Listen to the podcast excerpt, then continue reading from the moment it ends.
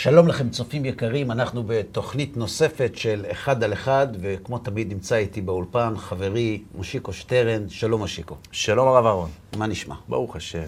מעולה. איפה אנחנו, לאן אנחנו הולכים, מאיפה אנחנו באים? אנחנו באים מהמוסר האנושי, אנחנו ממשיכים עם המוסר האנושי, אנחנו חודרים לעומקו של המוסר האנושי.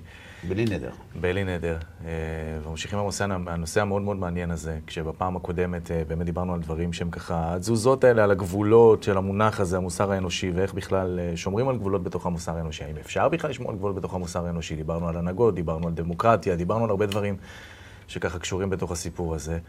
והצלחת פעם אחר פעם גם להוכיח לי שבסופו של דבר, נכון לכרגע אני לא יוצא מעודד, כי אני מחכה, אני מחכה לפתרונות. אז או שתביאו איתם אה, בפגישה הזאת שלנו היום, או שנמשיך לדבר, בסדר, אין בעיה. אוקיי. בסדר. נמשיך לדבר. נמשיך לדבר. אתה מכיר את מחאת המכנסונים, רבנו? תוך כדי שאנחנו ככה מדברים ומקליטים, אנחנו בתוך, בעיצומה של ה... מכנסונים עושים מחאה?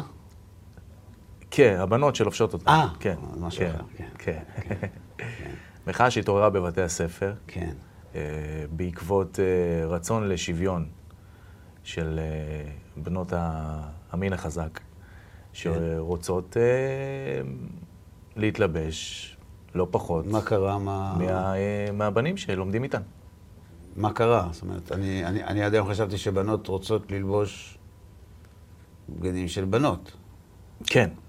אז לא הבנתי בדיוק. במושגים מה? של היום זה בגדים של בנות. בגדים של בנות. כן. אז מה קרה? קרה שעל לעניות דעתי, כן, לא כזה בקיא, אבל לפי מה שהבנתי, אמ, זה התעורר מתוך מקום של אי שוויון בין אורך המכנס שמותר לבנים להגיע איתם, או...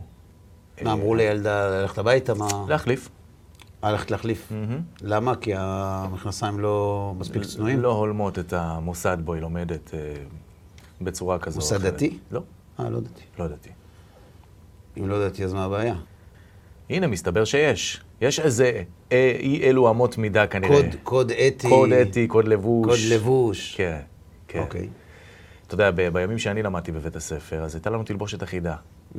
היה מאוד ברור איך מגיעים לבית הספר. היו צבעים, היית הולך אה, לחנות בגדים הקרובה לביתך, מדפיס את סמל הבית ספר על כמה טישרטים, מגיע עם מכנס ג'ינס, ועם אותו הטישרט, ושלום על ישראל. ולכולם הייתה את אותה התלבושת, לא הייתה mm-hmm. ברירה אלא ללכת כך. ואז אתה יודע, לא, לא היו גם מעמדות, אתה לא היית מבין מי לבוש יותר יפה, מי לבוש פחות יפה, למי יש כסף, למי אין כסף. חסך הרבה שאלות כאלה. כן. וגם לבנות כמדומני, אז היה ברור שכאילו מגיעים עם מכנס אה, ארוך. אם מגיעות עם מכנס, הייתי בבית ספר חילוני כמובן. אם מגיעות עם מכנס, זה היה מכנס אה, ארוך. אורכו לא היה, אתה יודע, אלא אם כן מדובר בשיעורי ספורט או משהו כזה. השתנו התוואים. השתנו התוואים, כן. לאן אנחנו הולכים? קודם כל, אני לא מבין. אז בשם השוויון, היא רוצה שירשו לה ללכת עם מכנסיים באורך כמו הבנים? יש שיגידו בשם השוויון, יש שיגידו בשם זה שהיא רוצה לעשות עם גופה מה שהיא רוצה, יש שיגידו, אתה יודע, כל אחד והטיעונים שלו. כמה שנים... מה שכן, התקשורת מאוד מהדהדת את זה. כמה שנים בנים משרתים בצבא? שלוש שנים. מגיל 18? 21. 21. ובנות? פחות שנתיים. פחות? פחות. אז כשהיא תהיה בצבא, בטח היא תקים מחאה, שבנות תצטרכנה לשרת שלוש שנים, כמו הבנים. תתפלא, יש גם קולות כאלה. באורך של הבנים. כן, כן. נכון? יש גם קולות כאלה, אה, תתפלא. כן. לא הרבה, אבל יש גם קולות כאלה. שמעתי שיש קולות שרוצים להוריד לבנים לשנתיים. גם נכון, גם נכון. אבל יש בנות שרוצות להיות קרביות, רוצות להיות טייסות, יש הכל. האמת, האמת, שאם אנחנו בוחנים את זה בזווית אה, מנותקת מצניעות, אה, מצוות, דברים מהסוג הזה. כמו שדיברנו בשיעור הקודם. Mm-hmm. למה החלטת שזה את פה? אולי את פה. אולי, אולי את פה. זאת אומרת, למה, למה, מי קבע? מי קבע שככה צריך להיות? נכון, מי קבע? אף אחד. נשנה את זה. הרי גם בתוך המגזרים הדתיים יש את העניין הזה, נכון? איזה? של אורך השמלה, אורך הגרביון, אורך השבול. בוודאי, יש תקנון ב- בסמינרים, בבתי ספר של בית יעקב, וגם עכשיו בבתי ספר אחרים. אני לא, לא אומר שאין, לא רוצה לייחד אה, בית ספר אחד על משנה, אבל אני פשוט יודע מהבנות שלי, יש תקנון. אה, איך צריך להיות הצווארון, ויש כאלה שזה מפריע להם, גם בציבור שלנו. מה אתם שמים דגש על הדברים האלה, תדברו בין אדם לחברו? עכשיו, אני לא אומר שהן לא צודקות, אלה שטוענות את זה. כן. אבל עובדתית יש תקנון, בוודאי. בכל חברה יש תקנונים. הבעיה היא שכשאתה מדבר על מוסר אנושי, כשאתה נכנס לרזולוציות של כל תקנון, אתה יכול לעשות ממנו צחוק. כי כל תקנון בנוי מגבולות. עכשיו, גבולות מטבעם הם שחור ולבן. זאת אומרת, עד הגבול ואחרי הגבול. נכון. עכשיו, כשאתה עומד ליד הגבול, אתה שואל את עצמך, למה שמו את הגבול דווקא פה? למה לא הזיזו אותו פה מהגבעה, שיהיה אפשר להסתכל על השלג? כן. תזיז אותו קצת. גבול חייב להיות. השאלה איפה שמים אותו. וכשאתה יוצא מנקודת הנחה שהפה שאסר הוא הפה שהתיר, אין גבולות. ולכן דיברנו בפרק הקודם על העובדה שקשה מאוד לחנך היום. כי כל גבול שתציב, יבוא התלמיד למורה ויגיד לו למה. עכשיו, אין לו באמת תשובה. התשובה היחידה שיש לו זה אנחנו קובעים, מה, אתם קובעים נעשה מלחמה. ולכן, אני לא חושב שהיא צריכה לרתום את השוויון הקדוש למאבק שלה. אלא? עצם זה שאני רוצה ככה, זה מספיק, לא צריך יותר מזה. אני לא צריכה להיות כמו, להיות כמו זה, זה סוג של אה, חיקוי. אני רוצה ללכת איך שאני רוצה, מה אבל תגיד? זה לא תלוי ברשות המחוקקת. אה, זה תלוי, יכול לעשות חוק. אז קודם כל אפשר לשנות את החוק, ודבר שני, לפעמים גם יש לגיטימציה מוסרית להתנגד לחוק. נכון. ראינו את זה הרבה פעמים. למשל, כשהאומנים אה, אה, אה, מתקוממים על כך שאין להם פרנסה, אז אה, אפשר להתאסף אלפיים איש בכיכר בלי לשמור שני מטר אחד מהשני, כי קדושת התרבות חזקה מקדושת החיים. אבל לעומת זאת, קדושת בית הכנסת פחות חשובה. לכן זה אסור וזה מותר. זאת אומרת, תמיד אפשר בשם קדושת הערך לזלזל בחוק. אני זוכר ש... שהיו חברי כנסת מהפרלמנטרים היותר אה, מוכרים בישראל, שאמרו שבמקרה מסוים יפעלו נגד החוק. וואלה. כן. למה? כי זה סותר את המצפון האישי שלי. מה זה סרבני גיוס? כן. סרבני מצפון, איך שתקרא להם, למה שמשתמטים, לא משנה איך. זה בדיוק, אני, אני מוכן לשלם את המחיר. אני אצא למאבק. אני אצא למאבק ואני גם אנצח, והוא באמת ינצח בסוף. אתה לא ינצח? כי אין באמת מולו מישהו שיכול להסביר למה הוא צודק והוא טועה. אנחנו בבעיה. אנחנו חיים בעולם, אני, אנחנו מדברים על, ה, על, על חלקת האלוקים הקטנה שלנו, אנחנו בבעיה גדולה. האנושות בבעיה, העולם המערבי בבעיה, כי העולם המערבי חי בעולם שבו האדם הוא המרכז. הרצון שלי הוא המרכז. כשהרצון שלי הוא המרכז, הגבולות משרתים אותי ולא אני אותם. אבל מה אתה מצפה, שנגיע למשהו אחר כשאתה יודע, שמים לא. את האדם במרכז הרי, גם. ברמה החוקית שמים את האדם במרכז. נכון, האמת, גם. היהדות שמה את האדם במרכז. וואלה. כן. איך? איך? איך? איך אתה מבין משפט כמו חייב אדם לומר בשבילי נברא העולם? זה אפילו הפלורליסטים והליברלים לא מעזים להגיד. נשמע- בשבילי נברא העולם? משפט אגוצנטרי לחלוטין. נכון? כן. בשבילי נברא העולם. חכמים מלמדים אותנו שהאדם הוא נזר הבריאה, ותחסרהו מעט מאלוהים. כלומר, ביהדות, האדם במרכז. אבל איך יש פה סתירה? למה? כי אם בשבילך נברא העולם, אז תקבע אתה את החוקים. תכף נטפל בזה. אוקיי. אבל אנשים רגילים לחשוב שביהדות הקדוש ברוך הוא במרכז. ואני טוען שביהדות האדם במרכז. עכשיו, אני לא אומר שהם טועים, הם צודקים, אבל גם אני. אוקיי. זאת אומרת ככה, בטל רצונך מפני רצונו.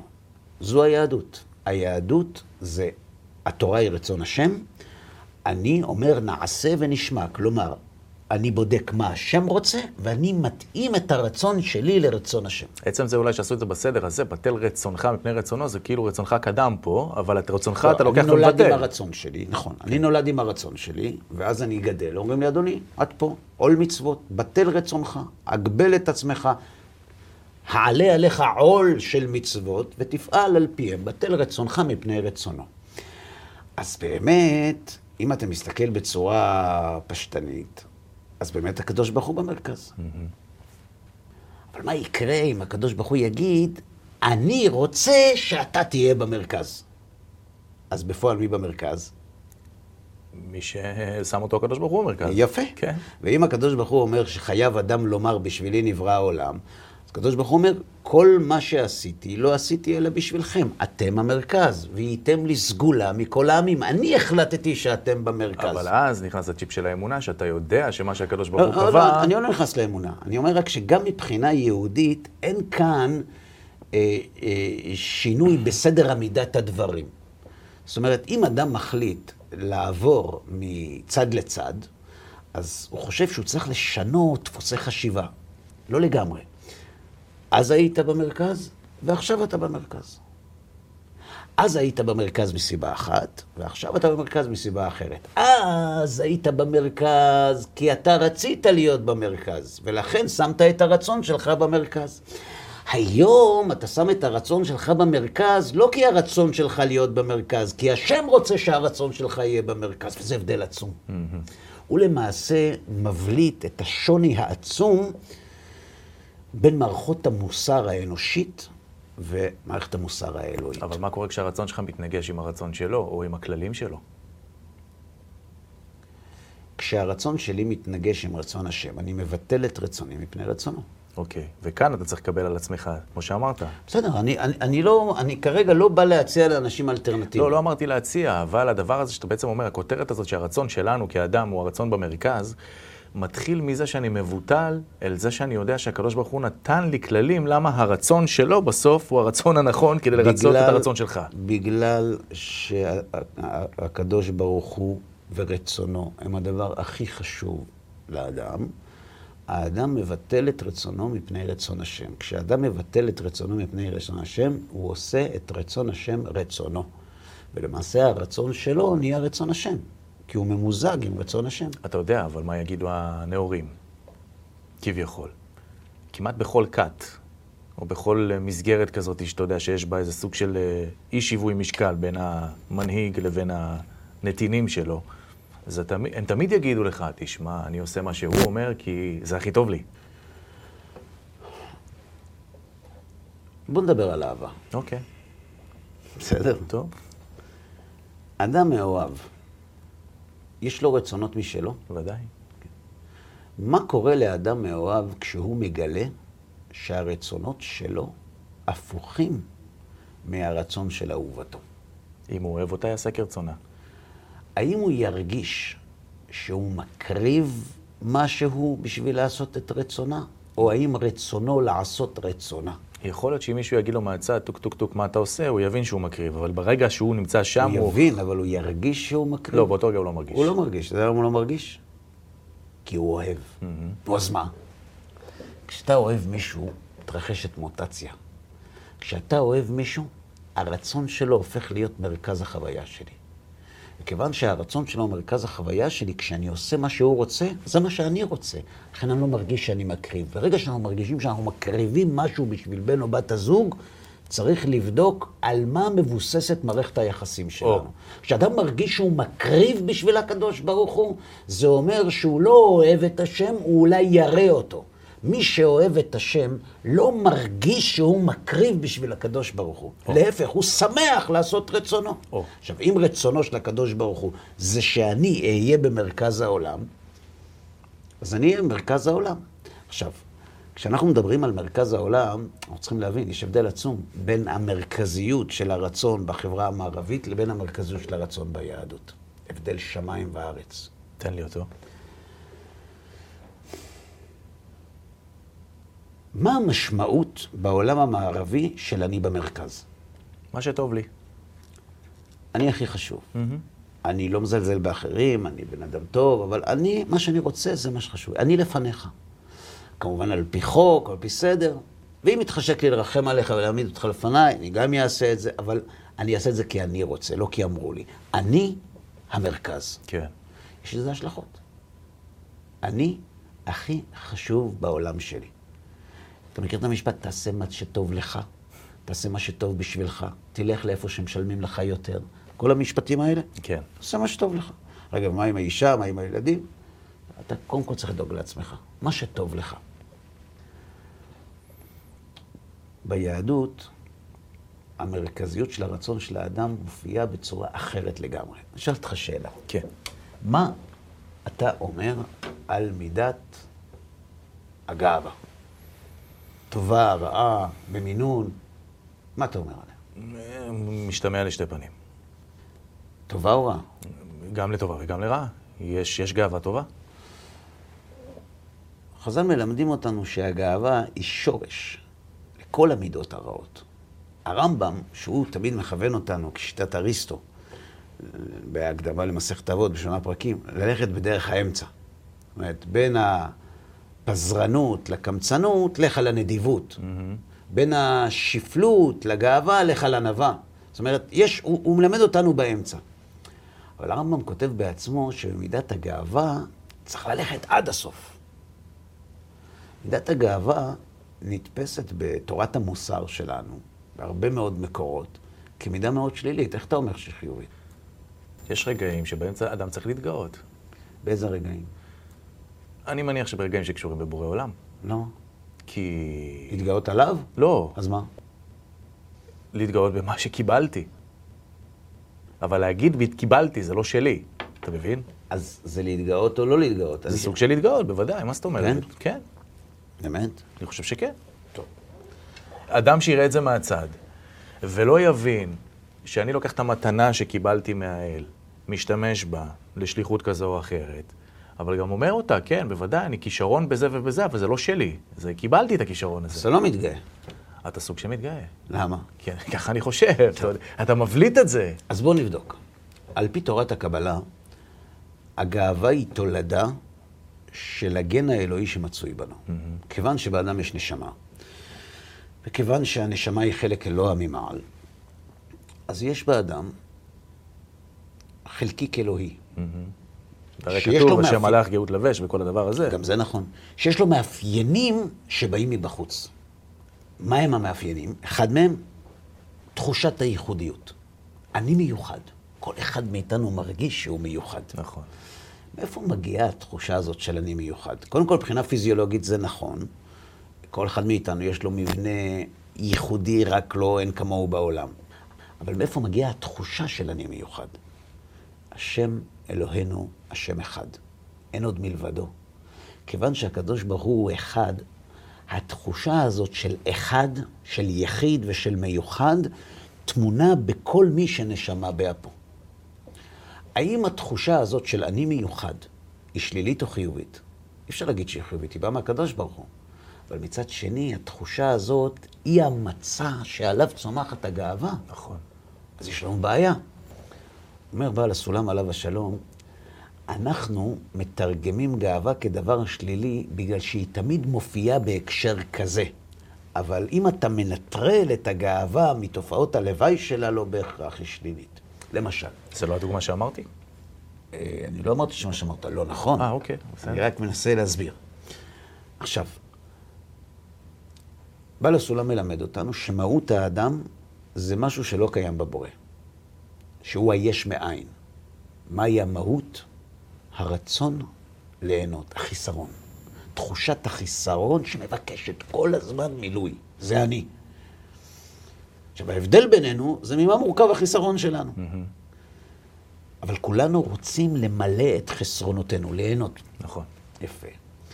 עכשיו, כיוון שזה מוטבע בנו, זה המהות שלנו, זה עצם האדם, כשאתה מחבר תחושת ייחודיות עם רצון למלא חיסרון, מה הרצון חושב כשהוא מרגיש מיוחד? מגיע לי שכל העולם ימלא את החסרונות שלי.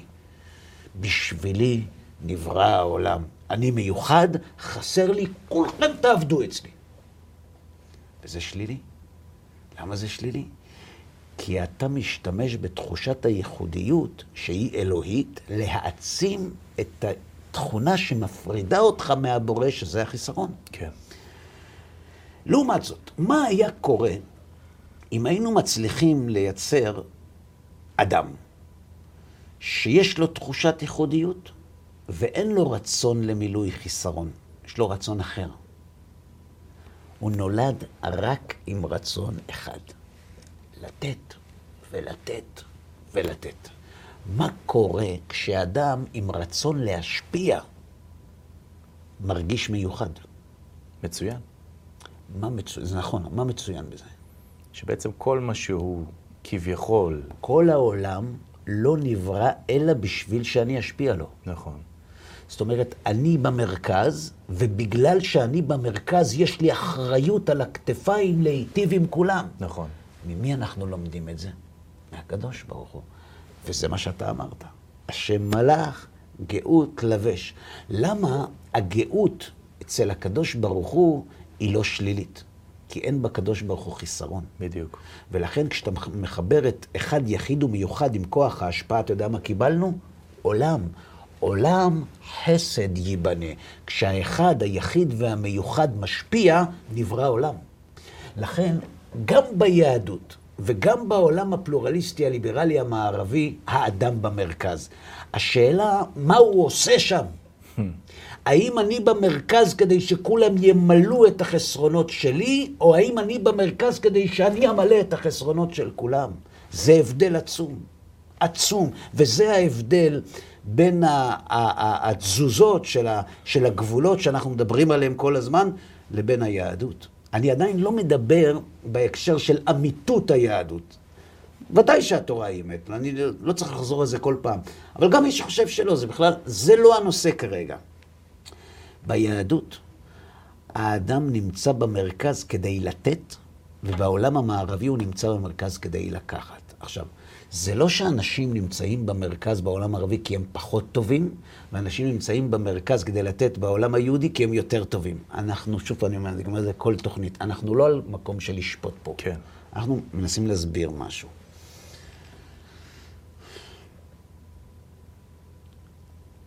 אין סיבה בעולם המערבי להיות במרכז כדי לתת. ואם יש סיבה, זה כי אני רוצה לתת. זה לא כי אני צריך לתת. אני לא נאלץ. אני בחרתי. כן. בעולם היהודי זה בא ממקום אחר לגמרי. בעולם היהודי, כשאני נותן, כמובן, אני יכול לתת מסיבות אנושיות, אבל אני מצווה לתת. וזה מגיע ממקום אחר לחלוטין, לגמרי שונה. ואני אתן לך דוגמה למה אני מתכוון. תרומה. תרומה אפשר לתת משתי הסיבות. ויקחו לי תרומה, ואפשר גם לתת תרומה סתם, כי זה עושה לי טוב על הלב. ועדיין, פה יש ציווי. פה יש ציווי, נכון. כן. הסיבה היא מאוד פשוטה. כדי להיות במרכז ולמרות זאת לתת, צריך ענווה.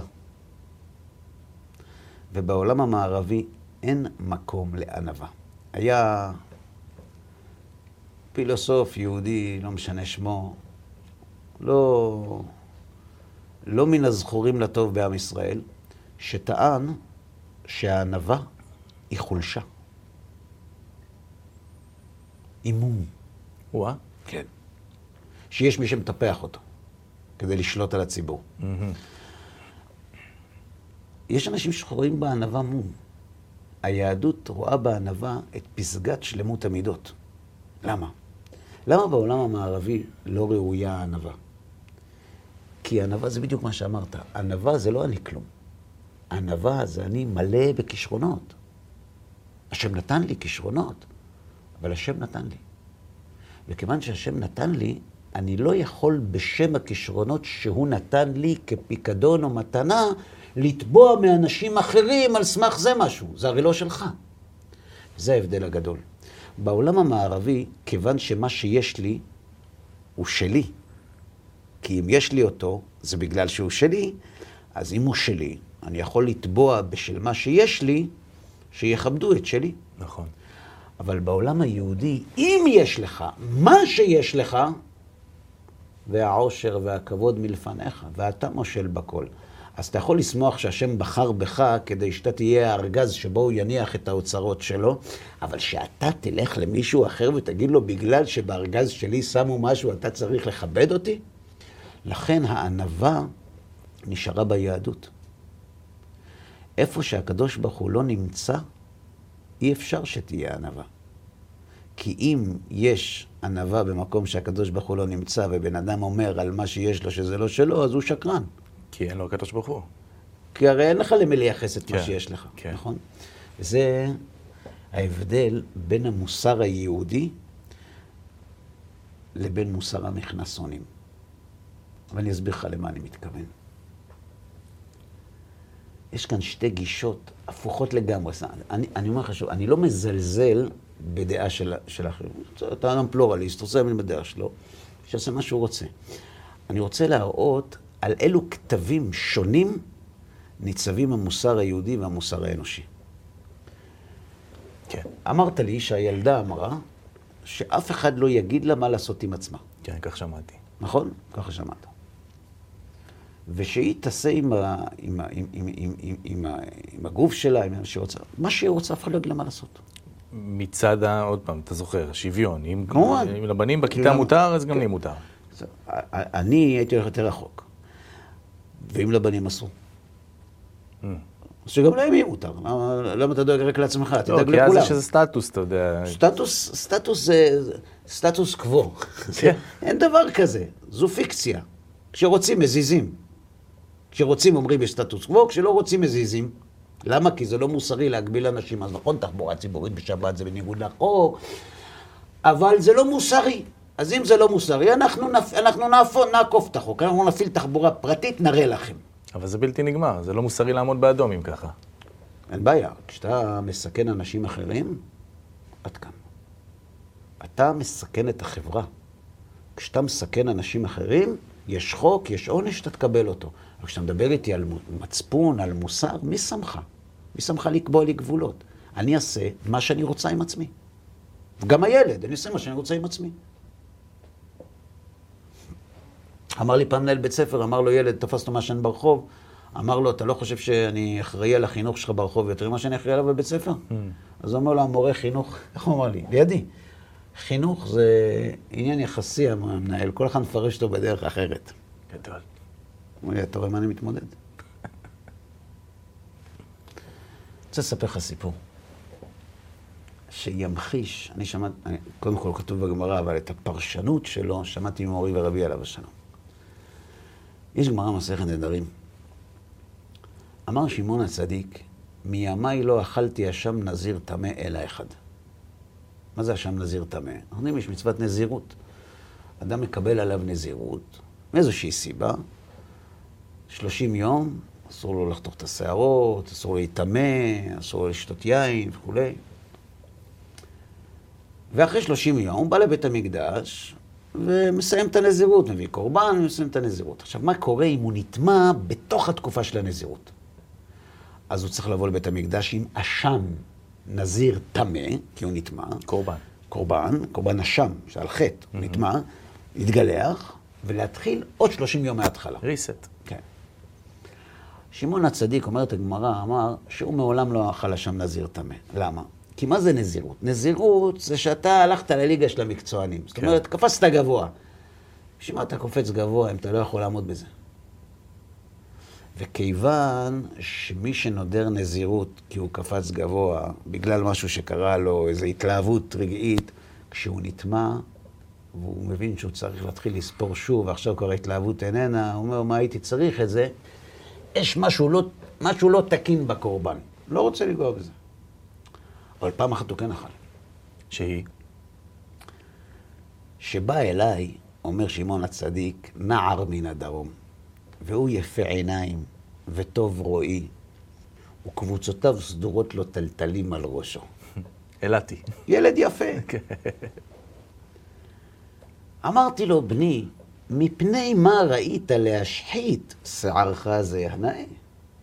מילא, אתה יודע, אבל אתה אמר לי, רועה הייתי לאבא בעירי. הייתי רועה צאן של אבא. והלכתי לשאוב מים מן המעיין. ונסתכלתי בבבואה שלי. ראה את עצמו בהשתקפות. כן. תקשיב טוב. הוא פחז עליי יצרי וביקש לטורדני מן העולם. מי זה יצרו? יצרה? הוא. אה, אוקיי. הוא דיבר עם עצמו. אנשים מדברים מול, מול מראה, לא? כן. מה הוא אמר לו? הוא אמר, תסתכל איך אתה נראה. לא חבל עליך. מה יצא ממך? רואה צאן בדימונה? לך להוליווד. תעשה כסף. תהיה מישהו שישמעו עליך. שאף אחד לא יגיד לך איך להתנהג עם היופי שלך. שאף אחד לא יגביל אותך. מבחינה שונאים. אמרתי לו. למי? לעצמו. יפה. למדתי. אמרתי לו, רשע. למה רשע? למה מי שרוצה להתגאות ביופיו הוא רשע? למה מי שרוצה להתגאות ביופיו, ביופיו הוא לא ליברל, פלורליסט? למה הוא רשע? כי זה לא שלו. מפני מה אתה מתגאה בעולם שאינו שלך? במה שעתיד להיות רימה ותולע. מה פירוש? מי אמר שזה לא שלי? זה הגוף שלי, מי יגיד לי מה? זה שלך? תגיד לי, עד 120 לכולם, ביום פקודה, אתה תוכל להגיד לרימה והתולעה לא? ממש לא. אז זה לא שלך. אין מה שמזוהה יותר עם האני כמו הגוף שלי. ועל זה אמר הנזיר מן הדרום, בעולם שאינו שלך. זה לא שלך. היופי שלך לא שלך, הגוף שלך לא שלך, הכסף שלך לא שלך, החוכמה שלך לא שלך, כלום לא נתנו, יש ארגז, קוראים לו אהרון, שמו בו דברים. זה לא שלך. אז אתה הולך, בגלל הדברים ששמו בך, לעבור על רצון השם? תראה, להבדיל למשל מדברים אחרים, מה שאמרת עכשיו הוא דבר מדהים, כי זו תובנה שעוד עלתה לי הרבה לפני שהתחלתי ללמוד תורה. תחרות מלכת היופי למשל, הייתי רואה את זה והייתי אומר, על מה הפרס, כאילו? מה היא עשתה בשביל להיות יפה? וזה בשונה מזוכה חידון תנ"ך. כי הוא עמל, הוא עבד בזה, אתה מבין? אני לא...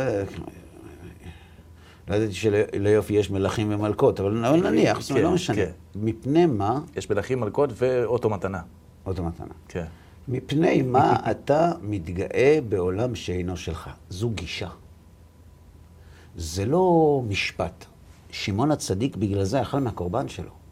עמדתי ונשקתיו על ראשו ואמרתי לו, בני, כמוך ירבו נוזרי נזירות בישראל, עליך הכתוב אומר איש, כי יפלי לנדור נדר נזיר לזיר לשם. וואה. זאת אומרת, אדם, שמעון הצדיק, כהן גדול, מנהיג של עם ישראל, כל החיים לא נוגע במשהו, פעם אחת הוא אכל. צריך סיבה חזקה, חזקה מאוד. מה, מה, מה, מה, מה הילד הזה הסביר? מה הוא אמר לו? הילד הזה הראה לו שהוא יודע את היחס הנכון של האדם למתנות שהשם נתן לו. וזה לא קיים בעולם המערבי. אתה יודע למה? כי השם לא נמצא שם. כן. זה לא שאנשים רעים שם. אני לא חושב שהילדה הזאת שהיא עם, אה, מבצעת אקט של מחאה, אני, אני לא חושב שהיא בן אדם רע. ממש לא. אני גם לא חושב שהשם לא נמצא בעולמה, היא פשוט אולי לא יודעת את מה שאנחנו אומרים עכשיו. השם לא נמצא בעולמו כדי לייחס לו בפועל את מה שיש לי. לזה אני מתכוון, אני לא מחלק ציונים לאנשים. זאת אומרת, מי, ש... מי שמרגיש שמה שנתנו לו להחזיק זה לא שלו, הוא לא רץ למושיקו להשוויץ עם הכוס שלו. זה לא שלי, נתנו לי להחזיק את זה. מי שמתייחס למראה, ל... ל... ל... לכל כל הכישרונות שהשם נתן לו, שאינו שלך. אז אם הוא אינו שלי, איך אני יכול להסתכל במים ולהגיד לעצמי, בוא נלך לטייל? Mm-hmm. זאת אומרת, יש כאן שתי גישות. גישה אחת, זה כיוון שאני הכי חשוב, אף אחד לא יגיד לי מה לעשות. והגישה השנייה אומרת, מכיוון שהשם הוא הכי חשוב, והוא אמר שאני הכי חשוב, אני לא יכול בגלל החשיבות הזאת לתבוע מאף אחד כלום, כי השם אמר שאני הכי חשוב בגלל שהוא רוצה, לא בגלל שזה אני. זהו הבדל מהותי בין הגישה המוסרית היהודית לבין הגישה המוסרית המערבית הליברלית. זה לא סתם. עכשיו, יש לזה השלכות. כמובן שאתה צודק, אמרת, רגע, אבל הוא לא מאמין בזה. אני, אני לא ביקשתי שיאמץ את הדרך שלי. כשאתה יושב עם מישהו לשיחה, אתה לא צריך שהוא יסכים איתך. מספיק שאתה מראה את ההבדלים בין הגישות. עכשיו, אתה יכול הגישה לא מקובלת עליי, אבל לפחות אנחנו יודעים כן. איך היא בנויה. עכשיו, כל מה שנשאר זה להראות האם זה כן נכון, האם זה לא נכון, אבל זה הבדל עצום. הבדל עצום. סמך יזהר, סמילנסקי, החלטן פרס ישראל בספרות. הוא כתב ספר אחרי מלחמת יום הכיפורים, ספר ש... שגם עורר פולמוס גדול, ככה גם השם של הספר, פולמוס על חינוך. הוא כתב את זה אחרי מלחמת יום הכיפורים בגלל השבר האידיאולוגי הגדול שפקד את מדינת ישראל. כמות אדירה של ישראלים ירדו מהארץ. כן. מה שרבין קרא נפולת של נמושות. נכון. כן? הרגיז מאוד אנשים. אה, ושם הוא, הוא דן בסוגיית הערכים והמוסר. והוא אומר דבר כזה. מה יותר מוסרי? מה יותר ערכי? שחייל שהצליח להיחלץ מטנק בוער, יקפוץ לתוכו וימות כדי להציל את החברים שלו, או לברוח? אתה שואל אותי? כן. יקפוץ לטנק. מה? יקפוץ לטנק. למה? תציל את חברך. למה כל כך חשוב להציל את חברך? על פי אמות המידה של הצבא או של היהדות? שלך. שלי? כן. לא מפקירים פצועים וכו'. לא מפקירים פצועים זה יפה, כש- שלא מתים. כן. אבל אם מתים, אז כאילו מה עדיף? אז מה נגיד על החייל שקפץ על הרימון? תלוי את מי אתה שואל. אם אתה שואל את המדינה, הוא גיבור. אם אתה שואל את אימא שלו, לא יודע. זה מה שסמילנסקי אומר. המדינה תראה במי שקופץ לתוך הטנק גיבור. ויש לזה סיבה. והאימא שלו תעדיף אותו חי בבית מאשר גיבור. מאשר גיבור. אין לנו, ברגע שאנחנו מוציאים החוצה את הקדוש ברוך הוא, המוסר הופך להיות תזזיתי, משתנה, דינמי, ואין יכולת להכריע בין ערך לערך. גם אין סמכות לדבר בשמה, כמו שסיפרת לך על המנהל שהתלמיד אומר לו, אני הייתי בהלם. הוא אומר לו, חינוך זה עניין יחסי. כל אחד מבין אותו בדרך אחרת. אומר לי המנהל, אני לא יכול להקנות ערכים לילדים. כל מה שאני אומר להם, הם אומרים לי, ואולי לא.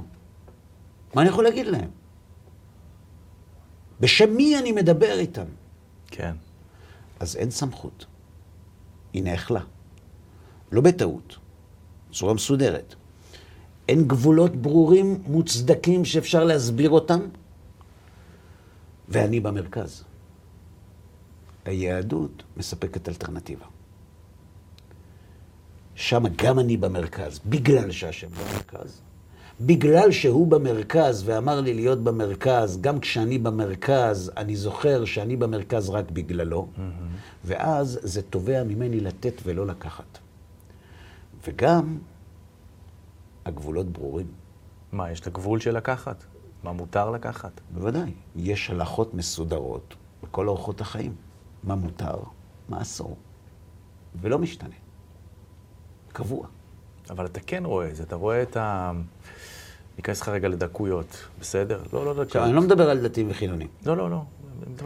יש חילונים צדיקים וחרדים אה, ברור לי. גם צדיקים. ברור לי. אבל אתה יודע, אחת השאלות הנוקבות שאני נשאל כל הזמן, אתה יודע שהרי עבדך הנאמן מכיר הרבה רבנים, ויש את אלה שנוסעים על מרצדסים ועם חצר ועם אה, ארמון יפה, ויש את אלה שבטקסי, וגם זה בתרומה. זה לא המדד. זה לא המדד.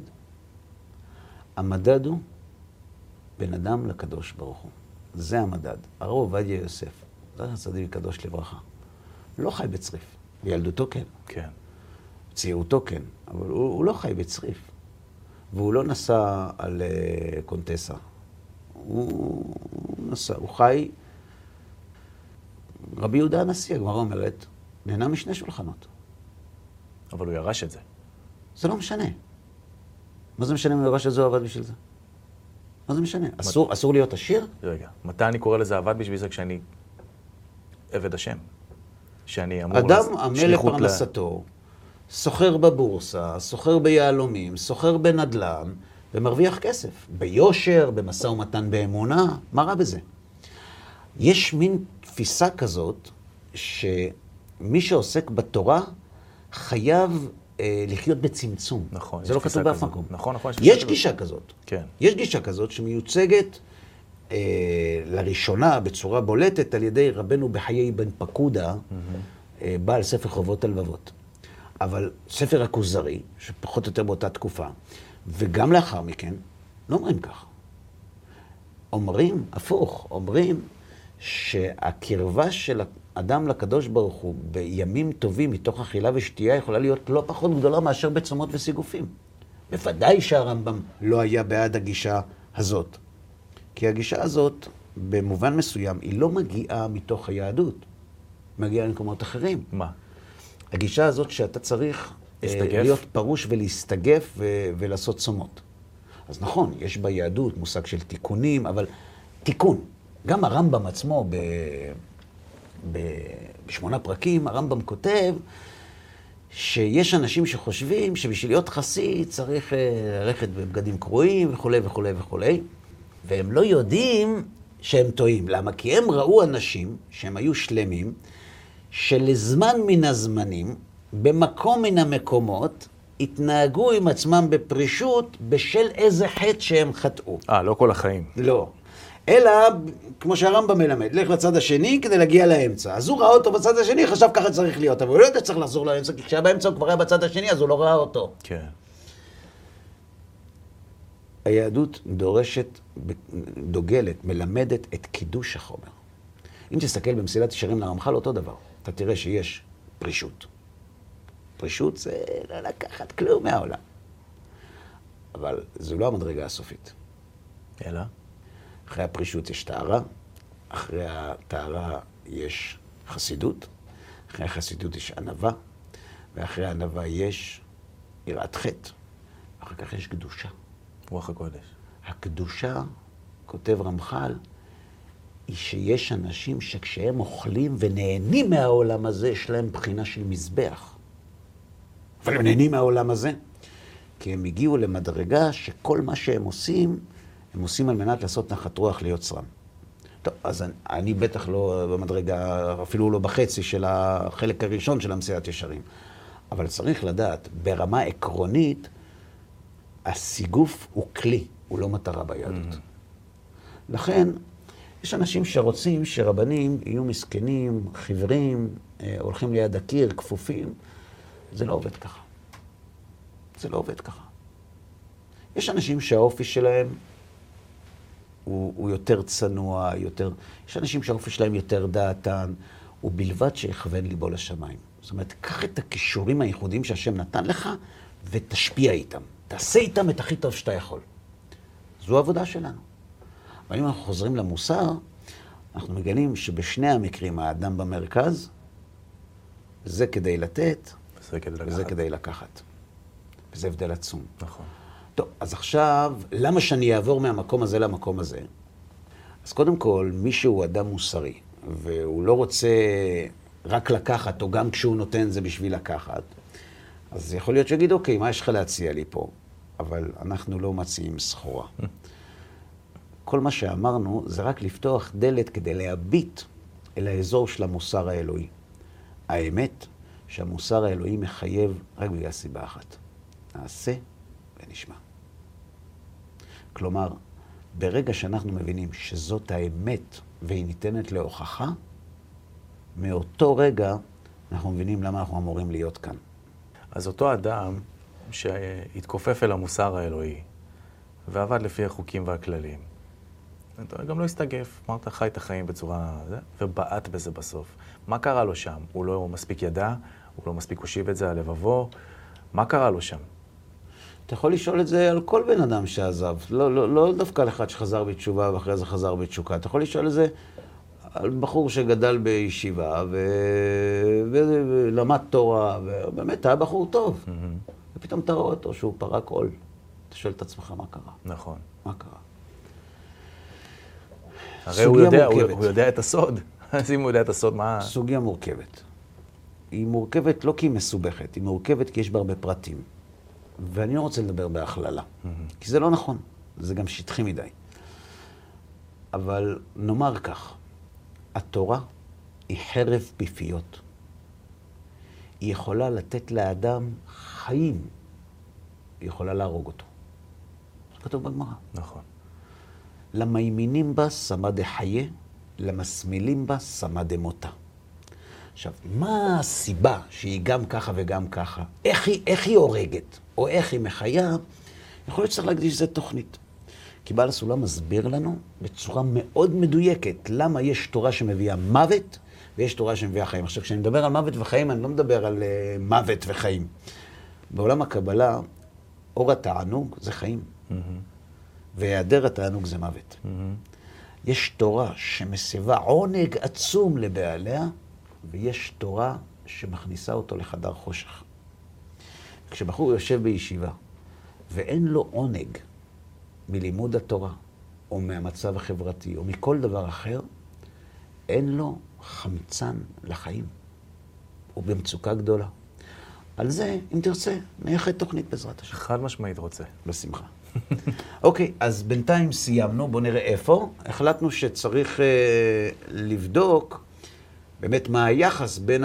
הגענו, מה שרצית, מה היחס בין המוסר האלוהי למוסר האנושי ברמת האובייקטיביות של הדברים, ובזה בעזרת השם נעסוק בפעם הבאה. בסדר? בסדר גמור. תודה רבה לך, מושיקו, שהיית איתי לעוד תוכנית מעניינת. תודה רבה. תודה רבה גם לכם, צופים יקרים, שהשתתפתם איתנו בעוד תוכנית, שצפיתם בנו. אנחנו מאוד מקווים שנהניתם ושהדברים היו לתועלת, ומקווים בעזרת השם יתברך להתראות בתוכניות הבאות. כל טוב לכם.